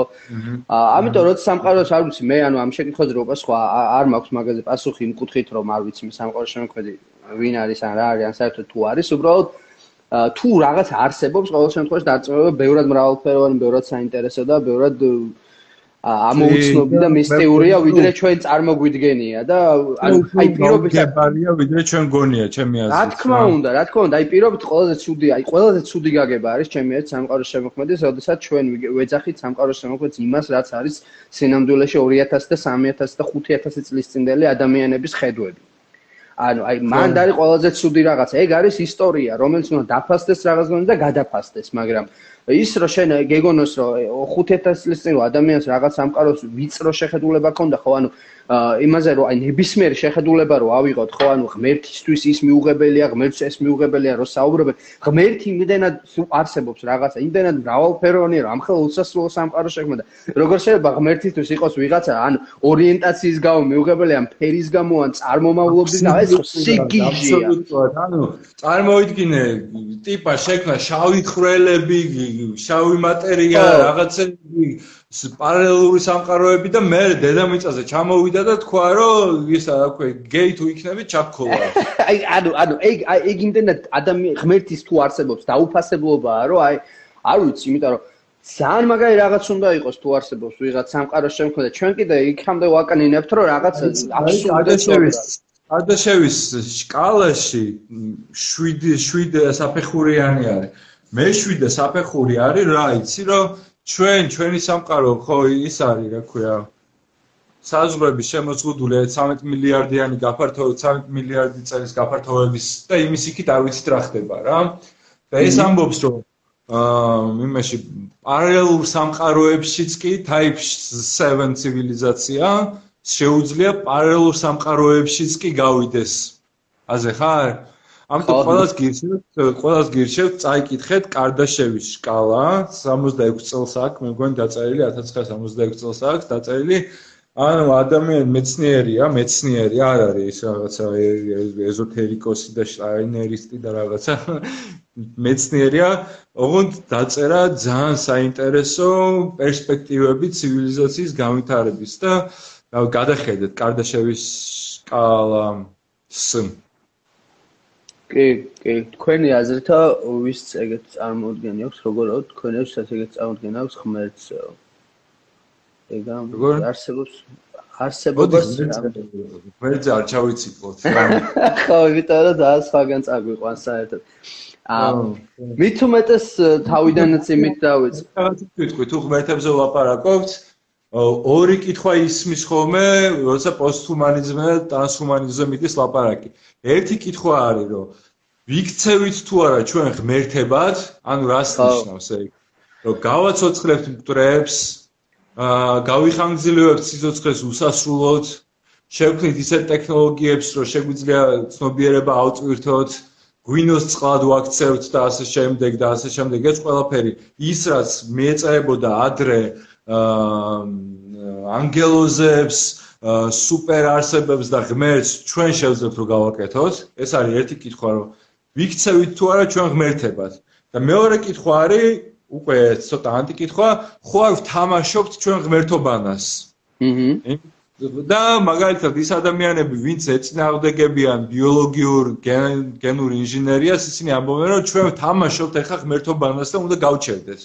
იმიტომ რომ ევოლუცია მესესე გააკეთა და შენ არ უნდა ქნა, მაგრამ აი მე მახსენდება ერთი ძალიან ლამაზი რაღაცა, ერთ ესეში მიწერია, ესპანელი არტისტი არის, რომელმაც რა გააკეთა, დათო იცი?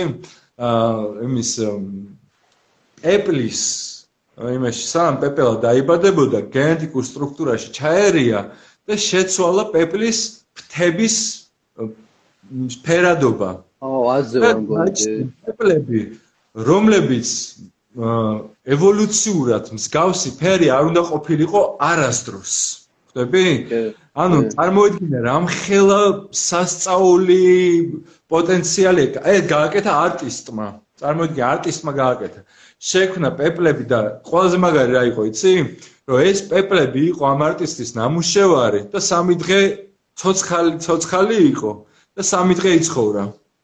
სამი დღე იცხოვრა და ქონდა უნიკალური შეფერილობა, მსგავსი შეფერილობა ევოლუციურად არ უნდა ქონოდა მაგ პეპელას. ოღონდ ეთიკური რაღაცაც იხმარა, ისე გააკეთა ეს გენეტიკური ცვლილება, რომ იმას თავმაობას ეს ფერი არ არ გაყოვდა. ჩვეულებრივად ევოლუციურად რა ფერიც უნდა ქონოდათ, ის გაყვებოდათ რა. მხოლოდ ესენი იყვნენ უნიკალურები რა. ეს გააკეთა ბიჭო არტისტმა. წარმოიდგინე, რა და არტისტმა გააკეთა რამდენიმე მეცნიერის დახმარებით. შენ წარმოიდგინე მეცნიერები, რომლებიც გენეტიკურ ლაბორატორიებში მუშაობენ, იმათი რისი გაკეთება შეუძლიათ? უბრალოდ ეთიკური, მორალური თუ კანონდებლური რაღაცეები უშლით ხელს. მაგრამ ჩინეთში სულ სხვანაირადაა საქმე, როგორც ვახსენეთ და დაი ჩინეთმა შეიძლება ამ რბოლაში მოიგოს და რაღაცა შექმნას ისეთი, რასაც არავინ არ ელოდება რა. ხო, იმიტომ რომ ჩინეთ ძალიან ეწევა მაგხრივ რა, ანუ დასავლეთს და რა ვიცი. შეიძლება რაღაც ზონაზე იქ უფრო შეზღუდვები იყოს, გინდა სიტყვის თავისუფლება იქნებოდ რაღაც, მაგრამ სამაგეროთ ეს გადადის იმაში, რომ აა ექსპერიმენტების მხრივ შეიძლება იყოს ნაკლები შეზღუდვები, რამაც ვაფშე სხვა რაღაც შეიძლება განავითაროს, ხო და ეგ ცალკე ცალკე რაღაცაა რა. აა ხო აი მოკლედ ანუ თავი რა არ კიდე იცი ერთი რაღაცაც გამახსენდა, ეხლა შენ რო ახსენე ეს ატვირ თუ არა გონების კომპიუტერში რა. აა აი შენ როგორ გონია მოკლედ? აი ესეთი რაღაცა ვთქვა რა იცი სიტყვაზე შევაჯამოცავით როგორ გონია აა რომელი ხარე უფრო გაკაჩავს იმ ხრივ რომ ადამიანი ადამიანმა შეცვალოს თავისი ფორმა და თავისი სიცოცხლე რა ანუ იქნება ეს გენური ინჟინერია, ხელოვნური ინტელექტი, იმპლანტები, სადღაც ატვირთვა აა კომპიუტერებში ეგონების ატვირთვა, თუ გინდაც მულტიპლანეტარული არსებები ან თუ ეს ყველაფერი ერთობლივად, აი როგორ წარმოგიდგენია მოკლედ რა. აი ჩვენ თაობა, აი ჩვენ ჩვენ თაობა სადამდე გაკაჩავს. ანუ რას მოვესწრებით ჩვენი ასეთ. აი აი ხა ამდენი ადამიანი გვისმენს ხო და აი მე მაგალითად მაქვს ჩემის აი შენ რო ვიტყვი მე მაგას ვიტყვი ჩემი ხედვა რაც შეიძლება ჩვენ მოვესწროთ რა და აი შენ როგორ წარმოგიდგენია მე მგონია რომ ჩვენ მოვესწრებით მე მგონია რომ ჩვენ მოვესწრებით გენური ინჟინერიის მაგარ გარღვევებს შეიძლება ისეთებს რომელსაც ვიტყვით ვიტყვით რომ ეს არის ძალიან საშიში ამას მოვესწრებით ყველა ვარიანტში ჩემი აზრით აა ჩვენ მოვესწრებით თუ ქურცველი და ოდნავ მაინც სწორად ამბობს მოვესწრებით ხელოვნურ ინტელექტსაც და ჩიპებსაც, ანუ კიბორგიზაციასაც მოვესწრებით, ჩემი აზრით. აი ეს რაღაცეები არის, რასაც ჩვენ მოვესწრებით რა. მე თან არ მინდა რომ ტექნოლოგიების მოსვლასთან ერთად ჩვენ დავკარგოთ კავშირი ბუნებასთან. აი შეიძლება თქვი, რომ სიმბიოზი მინდა იყოს ტექნოლოგიის და ადამიანის, მე ასევე მინდა დავამატო მესამე ელემენტი. მე მინდა დავამატო, რომ ადამიანის ტექნოლოგიების და ცოცხალი არსებების სიმბიოზი, იმიტომ რომ ყოველდღიურად სახეობები ხრება უკვე, ხო ხდები რა? ყინულები ყვება, პლანეტა კვდება და ძალიან საჭიროა, რომ სწორად მივმართოთ ეს ყველაფერი იმისკენ, რომ პლანეტას გადავარჩინოთ, ჩვენს დაუაპგრეიდეთ და მე სხვა პლანეტებზეც გავფრინდეთ. ხო და აი მან ეგ ეგ ეგ არ ვიცი აქამდეც უნდა გვეთქვა ჩემი ეს მართლა ძალიან სწორი რაღაც თქვი შენ რა იმიტომ რომ რაც გინდა ჩვენ ხა პოსტჰუმანზე ველაპარაკოთ და ველაპარაკოთ იმას რომ ვიღაცა კიბორგი გახდება და ვიღაც სადღაც წავა ხო? ანუ სამყარო ხო? ანუ არის ჩვენს გარშემო და შენ შეიძლება ჟანგბადი არ შენ სულ თქვა შეიძლება არ გჭირდებოდეს მაგრამ აუცილებლად გჭირდება რაღაცა ხო? რომ ფორმა რომ იარსებოდა. აა ამ არსებას ახლა რაც მე და შენ ვართ და ჩვენი მსვენელები არიან, აქვს ის კავშირი ბუნებასთან, ხო, იმიტომ რომ მისგან არის აღმოცენებული. თუ რაღაც სიცოცხლის ფორმა თუ აზოვნება ამ რაღაცთან ბოლომდე დაკარგავს კავშირს, ის აუცილებლად ისე გაქრება, აი როგორც აი რო შევადაროთ, წარმოიდგინეთ კივილის ფუნქცია რო შევადაროთ რა. ადამიანს კივილის ფუნქცია ისთვის აქვს, ევოლუციამ ისთვის მისცა, რომ რო გტკივა, უნდა იგრძნო, ხელი რო გეწובה, უნდა გამოწიო და შენ თუ ხარ შენ თუ ხარ სიცოცხლის ფორმა, რომელიც სამყაროს ტკივილს ვეღარ გზნობს, სამყაროს იმას ვეღარ გზნობს, ისე დაიღუპება და ისე განადგურდება მთელი სივრცე და დრო შენს გარშემო, რომ ამას შენ ვერ შეიგზნობ. ამიტომ ეგეც არის, აი აი ეგეც არის ზუსტად იმ პასუხი ემოციებზე რო იყო რომ ხო გაქრებაო. კი, ემოციები გაქრება, მაგრამ აუცილებლად უნდა გაჩნდეს ესეთ ემოციები, რომლებიც კიდე ჩვენ არ ვიცი რა ემოციები გაქრება. ეგეც არის, ეგრე არ არის. просто ემოციები გაქრება და ისინი გავხდებით უემოციო რაღაცეები რა. ხო. ანუ თვითონ დაწერა ღარიბაშვილი თუ ღმერთი გახდა მე რა გავაკეთოთ. ხალხო ათასეული წლებია ადამიანები ღმერთს როგორც ასახელებენ ფაქტურად ღარიბაშვილი არის რა. ეგეთი არის რაღაც ესეთი ჯიუტი რაღაცა ისეთი მასტია. ის გამოს ხალხი ერთმანეთს ხოცავს ათასეული წლების განმავლობაში და ეს ათასეული წლიანი არქეტიპები რომელიც ჩვენში ჩამჯდარია დროა შეიცვალოს გადაპროგრამდეს რაღაცა ახალი შემოვიდეს იმიტომ რომ ვართ ამ არქეტიპებში ჩაძირულები და ნახეთ სად ვართ ომის სამყაროში ვცხოვრობთ. ყველგან ომია ყველგან ეკონომიკური კრიზისი არის პლანეტას ერხება და ასე შემდეგ. რა რისი ბრალია ეს? ეს არის იმ ინსტინქტების ბრალი, რომელიც ჩვენში არის, აი ეს ჩაპროგრამებული და იმ არქეტიპების ბრალი, რომლებიც ჩვენში ჩაპროგრამებულია და ეხლა საუბრობთ იმაზე, რომ ეს ყველაფერი შეიცვალოს. და მივდივართ იმისკენ, მიდის კაცობრიობა იმისკენ, რომ ეს ყველაფერი შეიცვალოს რადიკალურად. ოსე ჩვენ საუბრობთ იმაზე, რომ რა ვქნათ, როგორ მოვიფიქროთ, სწორი გზა, ხო დათო? საითკენ წავიდეთ? და სწორი გზა, იმიტომ რადიკალური ცვლილება შეიძლება იყოს ძალიან ცუდიც და ძალიან კარგიც ან საშუალო და საშუალოზე კარგი, საშუალოზე დაბალი. ეხლა საუბრობთ უბრალოდ სხვადასხვა მეთოდიკებზე და სხვადასხვა ალტერნატივებზე, რაც შეიძლება გაჩნდეს. კი, კი. ხო, ზუსტად რა. იმიტომ რომ ანუ ეგ მაგაზე რო არის ფიქრო, ანუ თვითონ ადამიანმა, ანუ ფაქტია რომ ერთი რომ ჩვენ თავს გავანადგურებს და მეორეა რომ ჩვენს გარშემო ბუნებას ვანადგურებთ, რაც ავტომატურად საკუთარი თავის განადგურებას ნიშნავს და მესამე საკითხია ხო აბსოლუტურად მესამე საკითხია კი კი და მესამე საკითხია ის რაც სიტყვაზე შე რო ამოფ ინსტინქტები და შიშები და ის რაც გქონდა ის თინდაც ის აგრესია ხო? მოდის იქიდან რომ არსება იყო გამოქვაბულში და ეჭირა ჯოხი და რომ გაბრაზდებოდა ის ჭყობიდან რომ გამოდიოდა. მაქსიმუმი რაც შეეძლო იყო რომ გვერდზე მაიმუნისთვის ჩაერტყან თავისი მეგობრისთვის ჩაერტყან რა მტაცებლისთვის ჩაეყვა მეც ის ვერაფერს ვერ გააკეთებდა და დღეს პირობითად ვამ ვიღაცა რომ გაბრაზდეს მაგაგებით და დააჭიროს კნოპკას რომ შეუძლია რომ ატომური ბომბი ისროლ და პლანეტა გაანადგუროს და აი ეგ ეგ არის სრული აბსურდი. შეუთანხმებლობაა ამიტომ რა ამიტომ რა ვიცი. მეც მგონია რომ რაღაც ზონაზე აუცილებლად უნდა შეიცვალოს ეს ყველაფერი და აპგრეიდდეს რა. კი და მე პროსტა პესიმიზმი იქიდან მომდის ხოლმე რომ ძალიან ცოტა ხალხი ცხოვრობს. აა ვიღაცამ დაწერა ღარიბაშვილი კიბორგიაო შეიძლება. ბიზნეს გამოყვანილი კიბორგია შეიძლება ანუ იმინა დაამზადა თავის დროს და გამოუშვა რა. მარიცის. ხო შეიძლება. მე ერთხელ შევთავაზე რაღაც გადაცემაში ვიყავით შევთავაზე რომ მე გაგაციფულებთ რომ მარადიულად იცხოვროთ მეთქი ციკლ სამყაროში. ვის შესთავაზე ბიზნეს აა შეიძლება არის მოთხოვილი ბოგი ეგეც არ არის გამოიწვეული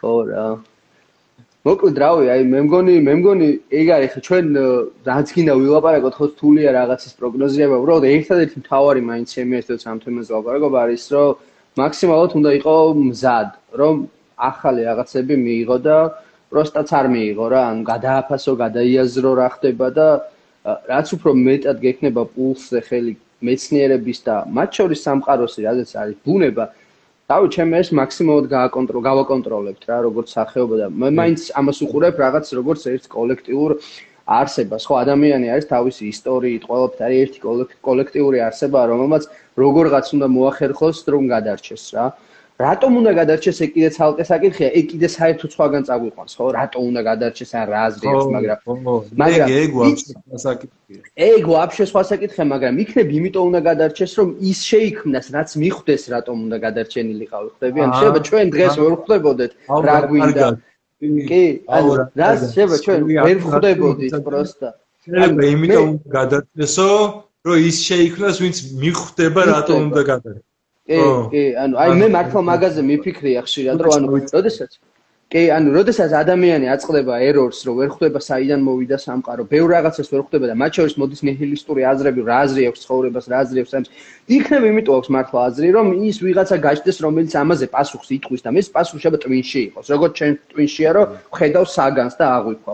ის შეიძლება მაგ რაღაც აღიქვას და ამიტომ ეს პროცესი შეიძლება ძალიან დასაფასებელ პროცესს შევიყოთ, ხვდები და ეს დაწყებული ერთუჯრედიანი ამებიდან რომ აქამდე მოვედით, შეიძლება ჩვენც იმ პროცესში ვართ, რომ ამას ხელი უნდა შევუწყოთ, რომ გავაჩინოთ არსებები, რომლებიც ამას მიხვდებიან და გაიაზრებიან. გაჩნდეს ზუსტად შეიძლება გაჩნდეს, გაჩნდეს ის კიბორგი, რომელიც მთლიანად პროსტა ერთ მედიტაციაში აი დაჯდება და მთლიან გამოთვლას გააკეთებს ევოლუციის 10 წამში. და მიხვდება მთელ აზრს. მერე დაждდება და მედიტაციას გააკეთებს შავხრელზე. ან მედიტაციას გააკეთებს იმაზე სიმულაციაში ცხოვრობს თუ არა. და მიხვდება მაგას, იმიტომ რომ მისი გამოთვლითი, მისი ტვინის გამოთვლითი სისტრაფე იქნება სინათლის სიჩქარის აა დარი. და ჩვენ თუ შევქმენით ესეთი არსება, ეს ფაქტიურად ფაქტიურად იმათთვის, ვინც დარჩება დედამიწაზე, ეს არსებები იქნება ღმერთები. კი. იმიტომ რომ ღვთაებრივი თვისებები აქვს, მაგრამ ის არსებები არ ჩამოვლენ და არ დაიწყებენ ბატონობას და ათ მცნებას არ დადებენ, რომ ეხლა არ იმრუშო და რაღაცეები რა. მე არ მჯერა, რომ არსება, რომელიც მთელ ევოლუციას მედიტირებს და იმ გამოცვლას აწარმოებს, რომ სიმულაციურ სამყაროში ვართ თუ არა, არ მჯერა, რომ ის არსება ჩამოვა დედამიწაზე და ხალხს ეთქვის არ იმრუშო. კი, კი, კი. არ მჯერა მაგისი რა. არ არ წარმოუდგენელი, ანუ არანაირ ლოგიკაში არ ჯდება, უბრალოდ იმიტომ რომ ადამიანი რო ადამიანია თავის შიშებით, კომპლექსებით და მთელი ათასი უბედური ინსტინქტებით ადამიანი მიხვდა ძალიან ბევრ რაღაცას, ძალიან ბევრ რაღაც დააფასა, ძალიან ბევრ რაღაც გადააფასა და ძალიან ბევრი ადამიანი ხვდება იმას, რომ ვიღაც უნდა მოუფრთხილდა რაც კიდე განსხვავებული იყოს შენგან და დაიცვა თუ დასასრველია, ხო და ან იმ არსებაზე რაც ჩვენ ლაპარაკობთ, რომ ჩვენ შიშების ინსტინქტების მიღმა ის უბრალოდ ეგეთ რაღაცა და არც ასეც არ არის. მე ძალიან იმედი მაქვს და თორე თუ მართლა 2055 წლის თეორია სწორია, შესაძლებელია რომ ჩვენს გავხდეთ ეს არსებები რას ფიქრობ? მე მე მაგის მე მაგის მართალი გითხრა არ ვიცი, აი ორი ვარიანტი მოსხო. მართლა მჯერა რა და მეორე პონჩი რას ვამბობ ხოლმე? ეს იქნებ ცუდია რომ ჯერა, იმიტომ რომ ადამიანს ხო შიში აქვს სიკვდილის რა, ინსტინქტუად გეშინია სიკვდილის და ზოგჯერ მიფიქრე რომ ჩემ თავს პროსტა ილუზიაში ხო არ ვაცხობ, იმიტომ რომ ყველას ეშინო და სიკვდილი ხა ვიღაცას რო ეშინია სიკვდილი ჩემ მე რელიგიაში შეაფაროს თავი ხო და იძახეს რომ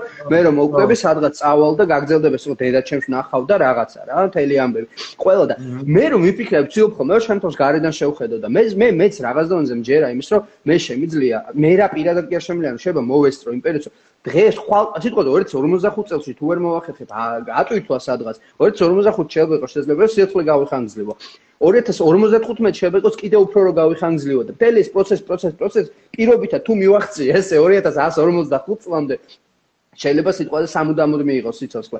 და ჩემთვის ანუ სიცოცხლე იმიტომ კი არ არის საინტერესო რომ სულ ადამიანი ვიყო. ანუ ჩემთვის ყველაზე მუღამი ეგაი რომ როგორმე როგორმე მინდა თუ შევძელი, არ ვიცი მოვესწრო იმას, რაც არ არის ადამიანობა. ანუ აი რაც ამ თემაზე რაც არის ის რაც მე ჩემი ტვინი ვერ მიქაჩავს. ანუ მე გზნობ რომ ვარ პროგრამა რომელსაც შეუძლია რაღაცებს წაიკითხოს, რაღაცებს ვერ კითხოს და მინდა რომ მივიდე ისამდე რომ ლიმიტები გაქვს. სადღაც ლიმიტები გაქვს, ხო? სადღაც და მინდა რომ მივიდე იმ დრომდე მივახციო, სადაც ამ ლიმიტებს გადავლახავ. და ეს იქნება ჩემთვის სრული გასხივოსნება, ხდება ეს იქნება აი ბუდა რო ამბობდა იმას, ეგ იქნება ჩემთვის. ეს არის ეს არის ნამდვილი კიბერნეტიკული თანამედროვე გასხივოსნება, რომ ჩვენ იმ ლიმიტებს, რომელსაც ჩვენი ტვინები ვერ კაჩავენ, აი ვერ ხვდებით რა იყო სამყაროს გაჩენამდე, ხო? ანუ მათე ხო წინა ლაივში თქვი შენ, რომ აი ბიჭო, ვიტაკებიო კედელს, რომ სამყარო უცებ გაჩნდა არსაიდან და იქამდე რა იყო, ან როგორ გაჩნდა, ან რაღაცა, ან შავი ხვრელი რა არის, ან სიმულაციაში ვართ თუ არა, ან მილიონი რაღაცა რა. ამის გარდა ვაფშე პლანეტაზე რა ხდება, დელფინები რას ფიქრობენ, აი ბევრი რაღაცა რას არ ვიცი, საერთოდ, პროსტა ჩვენი გონება ვერ წდება და აბსოლუტურად გეთანხმები. შენს აი მე ძალიან მინდა რომ აი როგორმე მივაქციო იმ მომენტამდე თუ შესაძლებელია თუ არა და სხვებს შეუწყობ ხელს რომ მიაღწევ იმ მომენტამდე რომ არა ადამიანი გახდე კონდი კარგი გაგებით რა. ეს ლიმიტები აიზა ლიმიტები თუ აი ხა აქამდე არის აი ამ ხელა გახდეს და უფრო მეტი შეცნობა შევძლო და უფრო მეც თუ შეიცნობს ადამიანი დარწმუნებული ვარ, ნაკლებად აგრესიული იქნება, ნაკლებად აგრესიული იქნება აბსოლუტურად და არ იქნება ეს რაღაცა პოლიტიკური ჭუბები და რაღაცა აფხაზეთი და საქართველოს და აი რაღაც ხო ხდები გაურკვევლობა რომ ჩვენ ის ვართ და ის ვართ და ეს ექსპერიმენტები აუცილებელია და კაცობრიობა აქამდე მოვიდა ექსპერიმენტებით, ხო?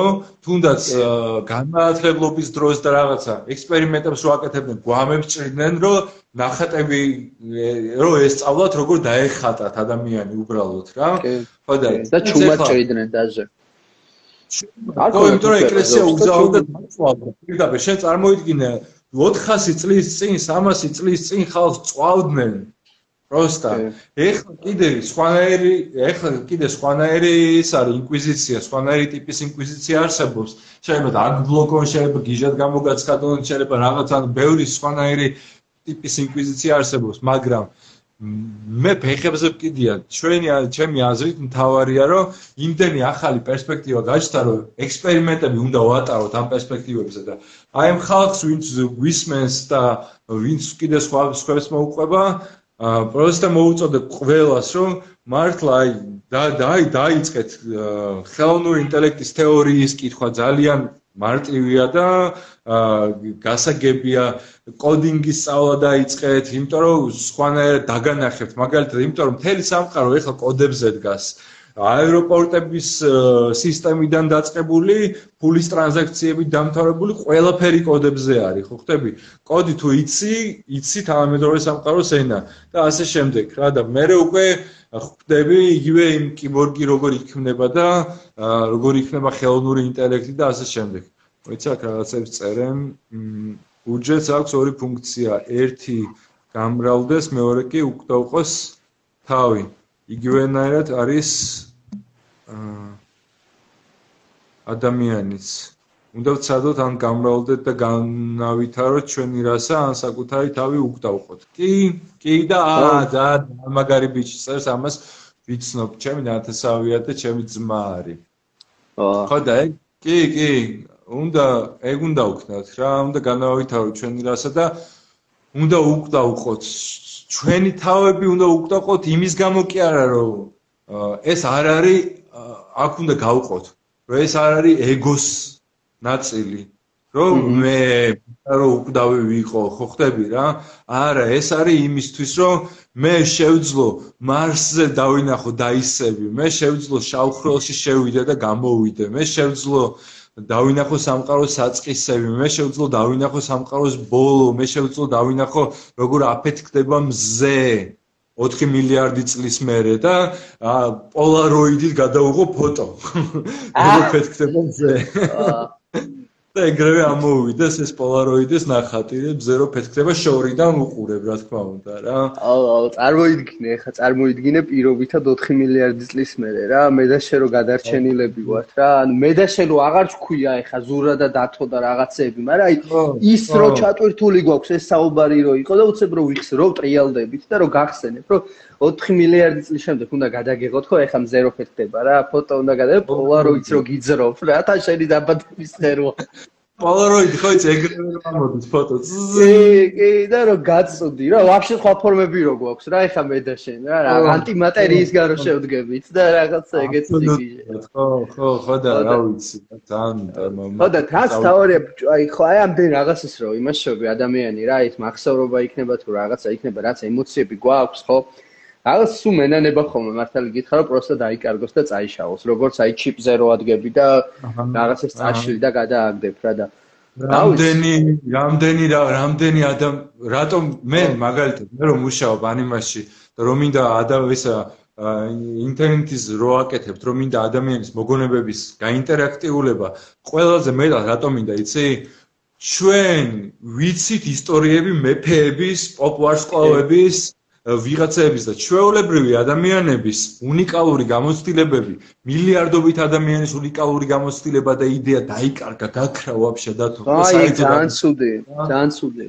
ძალიან ცუდი. ის და იქ შეიძლება ისეთი იდეები ქონდა ხალხს, ისეთი იდეები ქონდა ხალხს შესაძლოა, რომ აი პროსტა წავ იქნებოდით კიდე უფრო შორს და კიდე უფრო წინ და ეხლა გვაქვს საშუალება რომ შევინახოთ ეს მოგონებები და ინტერაქტიული გავხადოთ და მე 50 წლის მერე ველოპარი სხვა ელოპარაკოს ამან გადასცეს რაღაცა მესიჯები და რაღაც არსებობდეს ხიდი თაობებს შორის და არსებობდეს ამ უკვდავების რაღაცნაირი ფორმა როცა შენ შეგიძლია ელოპარაკო შენს რა ვიცი შვილი შულ შულთა შულს და ასე შემდეგ რა. კი კი. ხო და ეგ ძალიან ასწორებს რა. ანუ ეგ არის აი ხა რაც შევაპარაკო გინდა ხო ეს ხო არის აი რაღაც საწყის ეტაპებია, საიდანაც აი ჯერ რაღაცეების მიწებებას ვცდილობ, ზოგი არ ეწებება, რაღაც ზოგი არ მაგდება, მაგრამ რეალურად ეს არის ის ნაბიჯები, რაც რაც საბოლოოდ უნდა მივიდეს და ძალიან დიდი მედი მაქვს მივა იმისკენ, რაც საბოლოოდ ჩვენ ვაპარაკობთ რა. რომ ანუ რა ვიცი, ანუ ჩემი აზრით მომავალში, მომავალი უფრო საინტერესო კი არა და აი ვაფშე სხვა რაღაცა იქნება და თუ მოვესწრებით, ძალიან საინტერესო იქნება. თელი სამყარო ჩემი ეს დეგარი რომ ინტერესია რა. აი რა იმას მიშვება, იცი, აი ცალკე რატომ არის რთული ცხოვრება ჩვენ ქვეყანაში? ერთის მხრივ ესეთ რაღაცებზე ოცნებობ და მეორეს მხრივ არიცი როდის შემოვა რუსეთის ჯარი. კი. მარტო ხო რუსეთი და ხალხი ადამიანებს საჭმის ფული არა აქვს ხო ძალიან ისე რომ წახვიდეს სიტყვაზე ანუ სახლი არა აქვს ადამიანს. ძალიან რთულია და ძალიან რთულია როცა ესეთი ოცნებები გააქვს ამაზე მუშაობ და ხარ მეორე სამყაროში რა სადღაც ევრაზიის მიგდებულ პატარა ქვეყანაში სადაც მართლა ეკონომიური კრიზისია ხალხს ფული არ აქვს და არც აქვს საშუალება რომ მსგავს რაღაცებზე იფიქროს და აკეთოს რა. ძალიან ძიმეა ეს ყველაფერი მაგრამ ჩვენს რა სხვა გზა არ გვაქვს რა ბოლომდე უნდა მივაწვეთ რასაც ვაკეთებთ მეგონი კი, კი.